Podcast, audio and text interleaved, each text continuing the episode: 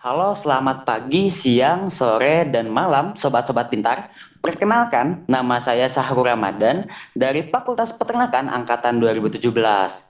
Di sini saya akan membuat podcast bersama kakak yang sangat luar biasa keren.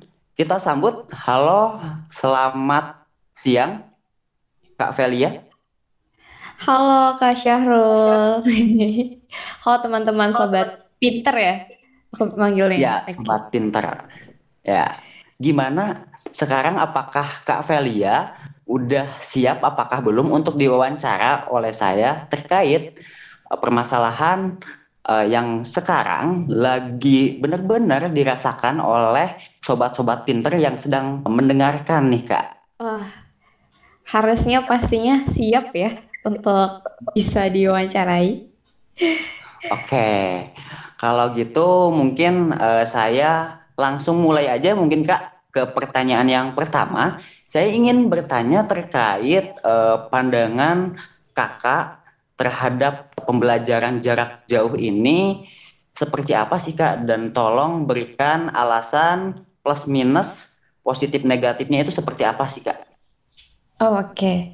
Ya, boleh ya aku langsung jawab aja terkait Ya, dengan perkuliahan di masa pandemi yang pastinya ini adalah perkuliahan jarak jauh ya. Semua orang berada di rumahnya masing-masing. Pasti itu ada eh, positif dan negatifnya. Kalau misalkan terkait dengan hal-hal yang kita bisa sebut sebagai positif, sebenarnya ini tuh adalah suatu apa ya? Suatu kejadian yang ngebuat kita tuh lebih lagi untuk melek nih terhadap teknologi. Itu positifnya. Karena di pembelajaran jarak jauh ini kita nemu banyak banget ya aplikasi dan juga platform yang pastinya dapat mendukung nih, mendukung si pembelajaran jarak jauh ini. Dan juga bisa membuat apa ya, mempertanyakan juga nih kira-kira kita tuh konsisten gak sih? Kita tuh orangnya disiplin gak sih? Secara juga ya, jarak jauh itu berarti kan intinya nggak ada yang bisa ngontrol kita gitu. Kalau misalkan kita berada di Unpad, berarti kan secara tidak langsung mungkin ya kita dipaksa untuk datang ke kelas, kemudian kita dipaksa juga seakan-akan dipaksa ya, tapi sebenarnya itu walaupun itu adalah niat kita sendiri, tapi kan karena kita emang harus berkumpul di satu tempat, jadinya itu tuh eh, apa ya komitmen diri kita untuk melakukan belajar itu di kelas itu tuh lebih tinggi. Nah, kalau misalkan di kala pandemi seperti ini, ini tuh positifnya adalah kita bisa mengembangkan diri kita, mengembangkan dari sisi mana sih? Misalkan tadi nih kita komitmen WFH, eh WFH juga terus kayak belajar dari rumah gitu kan. Berarti itu kita harus meningkatkan komitmen diri kita. Komitmen nih sama jadwal yang udah ada, jangan sampai kita tuh punya jadwal nih, jadwal mata kuliah tiba-tiba semuanya eh, ke-skip aja gara-gara kita tuh orangnya mager, terus males banget ngecek platform si pembelajarannya, terus juga itu tuh kita tuh kayak apa ya? Kayak lazy man aja, kayak lazy kayak orang-orang lagi males aja enakan mag- kayak mager gitu kan. Jadi enaknya mungkin cuma leha-leha aja padahal sebenarnya kita tuh punya mata apa ya? Punya jadwal yang emang harus kita tepatin kayak gitu. Dan juga bikin kita makin disiplin juga. Kayak kita tuh udah sebenarnya punya eh, apa ya? punya jadwal tersendiri dan jadwal-jadwal itu yang berhubungan dengan pembelajaran jarak jauh ini harusnya kita tepatin kayak gitu di samping kita punya pastinya kalau di rumah tuh pasti ada banyak banget tanggung jawab yang masuk ke kita kayak gitu selain tanggung jawab itu makanya kita harus komitmen dan juga disiplin. Di situ tuh dikembangkan banget nih pas lagi di perkuliahan di masa pandemi. Kemudian eh, negatifnya ya.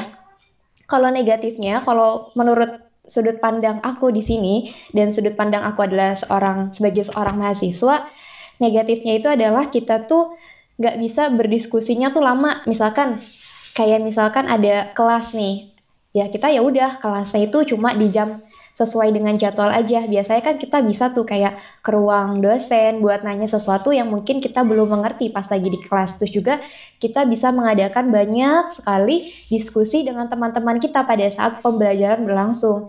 Kayak gitu. kalau misalkan dari pada saat ini itu tuh kekurangannya itu jadi kita kurang berinteraksi sama satu sama satu sama lain kayak gitu jadinya bisa jadi kita tuh kayak pas lagi ngikutin kelas yang mungkin sekarang sudah pakai aplikasi Google Meet atau Zoom itu tuh kayak bingung sendiri gitu. Nanya bisa tapi kan via chat. Dan kalau via chat tuh biasanya ya kita, ya gimana kita menanggapi si jawabannya aja. Mungkin aja kita bisa salah paham atau enggak emang beneran itu tuh belum jelas gitu kayak gitu. Terus juga negatifnya itu adalah mungkin ini sih kayak sebenarnya kita tuh ngambil ilmunya nggak terbatas, tapi mungkin sumber daya yang kita punyanya terbatas.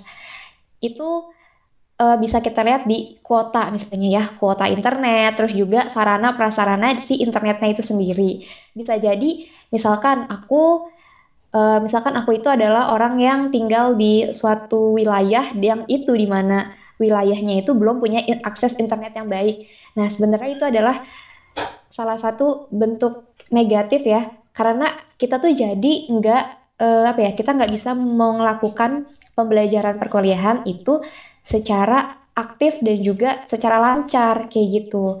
Makanya kenapa aku mention banget nih yang tadi tentang kuota, tentang internet. Ini tuh ya kita harus pinter-pinter lah gimana cara ngaturnya supaya pengeluarannya itu justru nggak membengkak ke kita nih. Padahal kan kita tuh bakal banyak menemui uh, banyak banget ruang-ruangan, ruangan-ruangan untuk berdiskusi tapi pastinya via online. Kayak gitu untuk si positif dan negatifnya. Oke, baik. Terima kasih banyak Kak atas jawabannya. Sangat luar biasa sekali.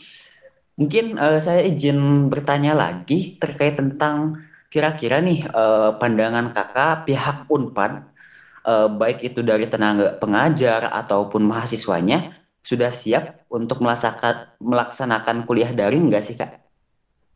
Oke, mungkin untuk menjawab uh, apa ya, menjawab pertanyaan yang tadi kakak sampaikan ya, itu aku bisa jawab dengan mungkin perbandingan ya, biar kita bisa melihat bahwa ada yang berubah nggak sih sebenarnya dan apakah kita juga sudah siap gitu ya hal yang pak yang aku ingin coba apa ya coba utarakan itu adalah sebenarnya untuk yang masalah PSBB ini ya PSBB terus juga kemudian kebijakan kebijakan tentang Unpad yang juga mengikuti kebijakan dari pemerintah untuk melaksanakan PSBB dan perkuliahan secara daring ini kan itu munculnya pas lagi akhir-akhir Maret ya. Di akhir Maret kalau nggak salah itu tanggal uh, kalau aku nggak salah tanggal itu tuh tanggal 24 Maret 2020 itu ada surat edaran gitu di unpad.ac.id mungkin bisa dilihat juga di situ tuh menyatakan bahwa si proses perkuliahan daringnya itu diperpanjang nih sampai ujian akhir semester genap tahun akademik 2019-2020. Nah, ini tuh uh, berarti pada saat dikeluarkannya si kebijakan ini oleh Unpad berarti Unpad tuh harus kayak cepat-cepat banget gitu kayak ayo kita fakultas, kita prodi, kita universitas sama-sama untuk mewujudkan perkuliahan daring itu yang sesuai kayak gitu kan. Pengennya sesuai, pengennya tuh lancar, tapi kan karena ini juga baru dikasih tahu ya dan ini juga merupakan tantangan yang baru juga di apa nih aku bilangnya apa ya, di tahun ini di tahun ini dan juga kita melihat bahwa sesuai kalender akademik ya di tanggal 6 sampai 10 April itu sebenarnya itu ada UTS. Nah, dari tanggal 24 Maret tuh sampai tanggal 6 sampai 10 April tuh kan kayak cuma satu minggu lebih dikit lah ya bahkan aku nggak tahu itu kayak ya satu minggu lebih dikit kayaknya itu tuh nggak lama loh. Maksudnya buat nyiapin segala hal, entah itu platform, entah itu segala metode pembelajaran. Kayak gitu itu itu bukan hal yang cepat, bukan waktu yang sangat lama gitu. Tuh cepat banget gitu. Kayak sejentik kelas tiba-tiba udah ganti minggu aja. Nah, aku di sini merasakan ya sebagai seorang mahasiswa ya emang kelihatan nggak cuma unpad deh kayaknya maksudnya perguruan tinggi lain pun juga merasakan bahwa mereka belum siap dan belum mempunyai persiapan yang matang. Itu dilihat dari kacamata aku. Kenapa aku bisa bi bilang mereka apa ya Unpad dan juga perguruan tinggi lainnya itu belum mempunyai persiapan yang matang? Karena yang disoroti di sini tuh bukan hanya Unpadnya aja nih, misalnya bukan hanya Unpad sebagai penyelenggara pendidikan, namun juga kesiapan si entitas di dalamnya. Entitasnya tuh siapa sih? Pengajar, ya mahasiswa, kemudian ada tenaga apa tendik ya tendik kayak gitu kan banyak banget ya si entitasnya tuh. Jadi kalau yang siap cuma satu atau dua orang ya yang nggak siap gitu karena emang harus kita tuh ber, bersama-sama mempersiapkan kayak gitu. Terus juga di awal-awal minggu itu tuh ya, di 24 Maret sampai 6 10 April itu itu tuh agak terganggu si perkuliahannya. Kayak ya karena banyak banget eh, ruang-ruang diskusi, entah itu dari fakultas, entah itu dari prodi yang pastinya menginginkan perkuliahan daring yang lancar dan juga sesuai kayak gitu. Makanya di situ tuh kadang-kadang agak sedikit nabrak ke apa ya ke mata kuliah ke jadwal mata kuliahnya kayak gitu. Nah di bulan itu juga itu tuh aku baru merasakan lagi ya yang namanya live unpad. Tadinya tuh aku pakai platform sendiri untuk khusus teknik informatika ya. Kemudian di sini tuh aku baru melaksanakan baru merasakan lagi yaitu si live unpad sebagai platform perkuliahan daring. Terakhir aku makin Live Unpad ini itu tuh pas aku TPB. Itu lama banget berarti beberapa tahun yang lalu. Dan itu secara sekilas aku tuh ngeliatnya masih sama nih Live Unpadnya. Berarti kan belum ada perubahan secara signifikan banget ya untuk si Live Unpadnya. Terus juga ini tuh nggak familiar buat siapa pun nih nggak familiar dong tentunya buat aku sebagai mahasiswa buat dosen ya buat ya orang-orang yang di ruang lingkup si perguruan tingginya tuh ini nggak familiar banget. Jadi ya gimana gitu. Ini tuh adalah kayak waktu dulu ya pada pas kita awal-awal pandemi itu tuh kayaknya kita ngerasa ini tuh kayaknya kita bisa apa ya bisa nyalahin semua orang deh karena nggak kesiapan karena mereka karena kita semua tuh nggak siap jadi kita seakan-akan menyalahkan satu sama lain kayak ah ini unpadnya nggak siap ah ini mahasiswanya nggak siap atau bahkan ah ini dosennya nggak siap kayak gitu jadi banyak peluang untuk menyalahkan satu sama lain. Dan juga ini tuh apa ya ada bahkan ya bahkan pada saat dulu juga itu tuh yang pas awal-awal banget yang Maret ke April itu tuh di semester apa tuh genap berarti ya semester genap itu bahkan ada aku tuh suka banget suka lihat Twitter juga terus suka pasti kan suka ngechat sama teman-teman juga kan di media sosial itu tuh bahkan sampai berpikir ini tuh beneran perkuliahannya secara daring atau emang perkuliahannya tuh emang cuma digantiin tugas aja sih? Karena kita dapat banyak tugas yang mungkin uh, kita merasanya ya karena emang juga ini lagi kondisi yang baru, jadi kita merasa kayak wah banyak banget tugasnya. Jadi ngerasa kayak ini perkuliahan tugas deh kayaknya bukan perkuliahan seperti kita biasanya lakukan. Dan itu mungkin jadinya negatif ya. Jadinya wah ini kebanyakan tugas.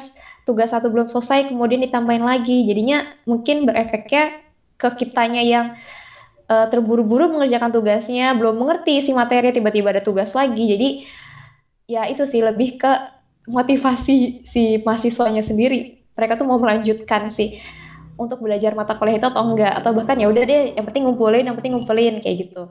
Terus juga nah itu tuh nah gara-gara hal-hal itu itu tuh jadinya nggak siap kan. Kalau misalkan tadi aku yang aku paparin tuh mungkin aku menyimpulkannya itu nggak siap.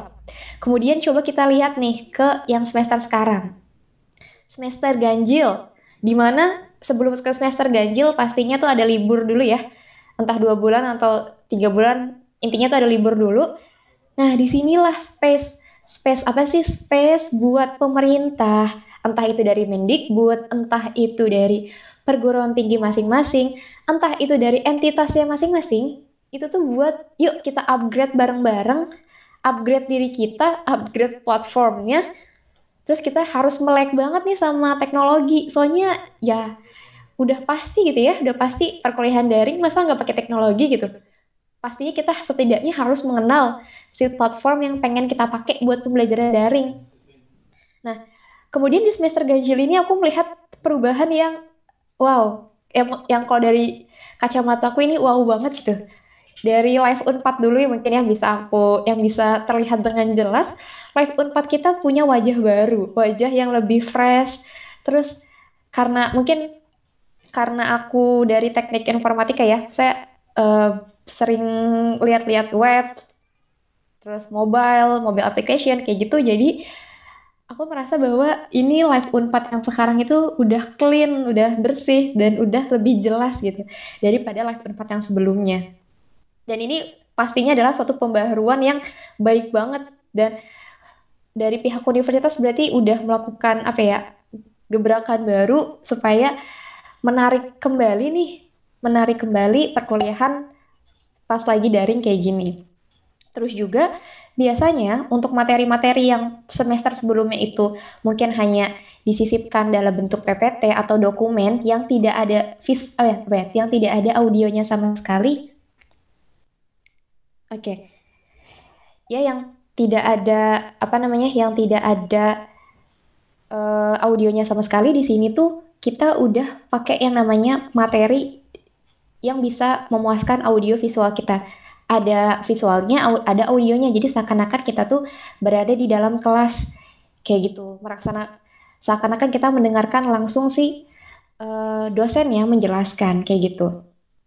Nah, namun Uh, mungkin ada hal juga ya, kayak misalkan kayak kekondusifan, kekondusifan dari si itu mungkin nggak bakal bisa kita kontrol sepenuhnya seperti pada saat kita offline. Offline itu adalah ya kalau misalkan nggak ada pandemi gitu, kita pembelajarannya secara biasa, secara uh, apa namanya, ya secara sewajarnya di kelas kayak gitu, mungkin kekondusifannya. Nah, tapi kekondusifannya di sini aku pada saat semester ini tuh beneran kayak hampir menyerupai kekondusifan yang ada di kelas aslinya karena tadi kita tuh disuruh mungkin kita tuh disuruh on cam, kita juga di absen. Jadi kayak dari dosennya juga mengapa ya melihat kondusif kekondusifan si kelasnya atau roomnya room Zimit atau room zoomnya kayak gitu dan ini merupakan suatu awal yang baik juga karena kan tadi ya di strike-nya itu adalah apa komitmen diri dan juga si uh, kedisiplinan dari mahasiswa sendiri. Itu juga berlaku buat aku gitu.